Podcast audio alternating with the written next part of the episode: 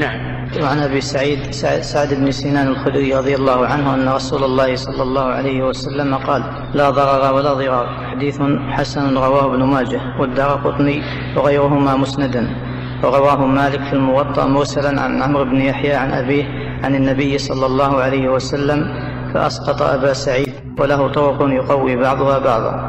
نعم. هذا الحديث فيه أن النبي صلى الله عليه وسلم وهو عن أبي سعيد الخدري رضي الله عنه أن النبي صلى الله عليه وسلم قال لا ضرر ولا ضرار. وهو من ناحية السند روي من طريقين. طريق مسند يعني مرفوع إلى النبي صلى الله عليه وسلم.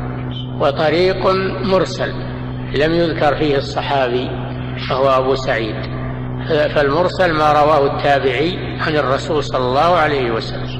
والمسند ما رواه الصحابي عن الرسول صلى الله عليه وسلم. والحديث قوي بمجموع بمجموع أسانيده كما ذكر المؤلف وذكر له طرقا كثيرة. تقوي يقوي بعضها بعضا. قوله لا ضرر ولا ضرار. قيل لا فرق بينهما وإنما هذا من باب التأكيد. لا ضرر ولا ضرار. الضرار بمعنى الضرر ولكنه كرر من باب التأكيد. والضرر هو ما يؤذي ما يؤذي الإنسان ويؤذي الناس. ما فيه أذى أو نقص فهذا ضرر. والمطلوب أن الإنسان ينفع ولا يضر. ينفع نفسه وينفع الناس ولا يضر نفسه ولا يضر أحد. هذا هو المطلوب. فضد الضرر ضده النفع. وقيل إن بينهما فرق الضرر والضرار. الضرر من جانب واحد لا يكون منك ضرر على الناس. من جانب واحد. وأما الضرار فهو يدل على المشاركة يدل على المشاركة من جانبين.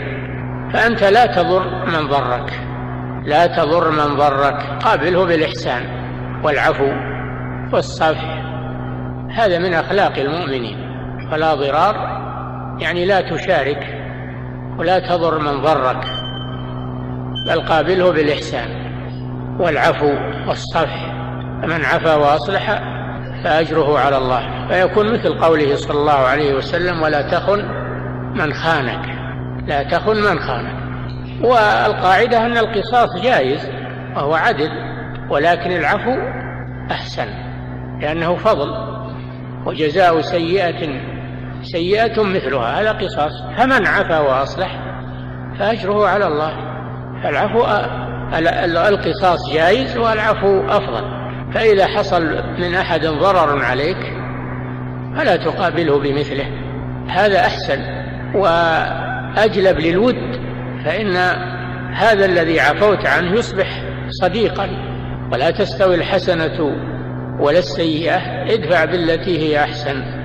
فإذا الذي بينك وبينه عداوة كأنه ولي حميم. وما يلقاها إلا الذين صبروا. هذه خصلة عظيمة.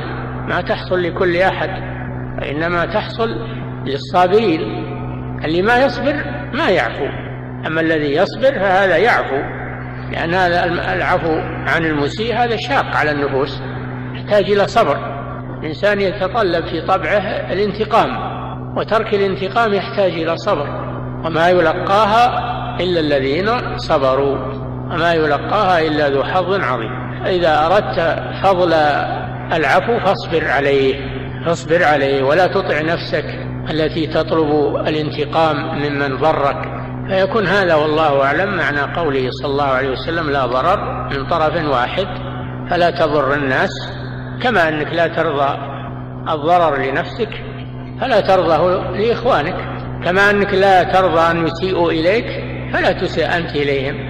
قال صلى الله عليه وسلم لا يؤمن أحدكم حتى يحب لأخيه ما يحب لنفسه وأما الضرار فهو أن يكون من طرفين فإذا أساء إليك أحد فالأحسن أن تقابله بترك الانتقام وترك الضرر وأن تستعمل العفو وهذا ينشر المحبة بين الناس ويصبح المعفو عنه أسيرا لك ويخجل منك. كما قال المتنبي وما قتل الأحرار كالعفو عنهم وما قتل الأحرار كالعفو عنهم ومن لك بالحر الذي يحفظ اليد. هذه قاعدة عظيمة من قواعد الأخلاق التعامل مع الناس. أن الإنسان يتجنب الضرر سواء كان يصدر منه هو ابتداء أو يصدر منه انتقاما ممن أضر به. المسلم يسير على هذا ويكون محبوبا عند الله وعند خلقه.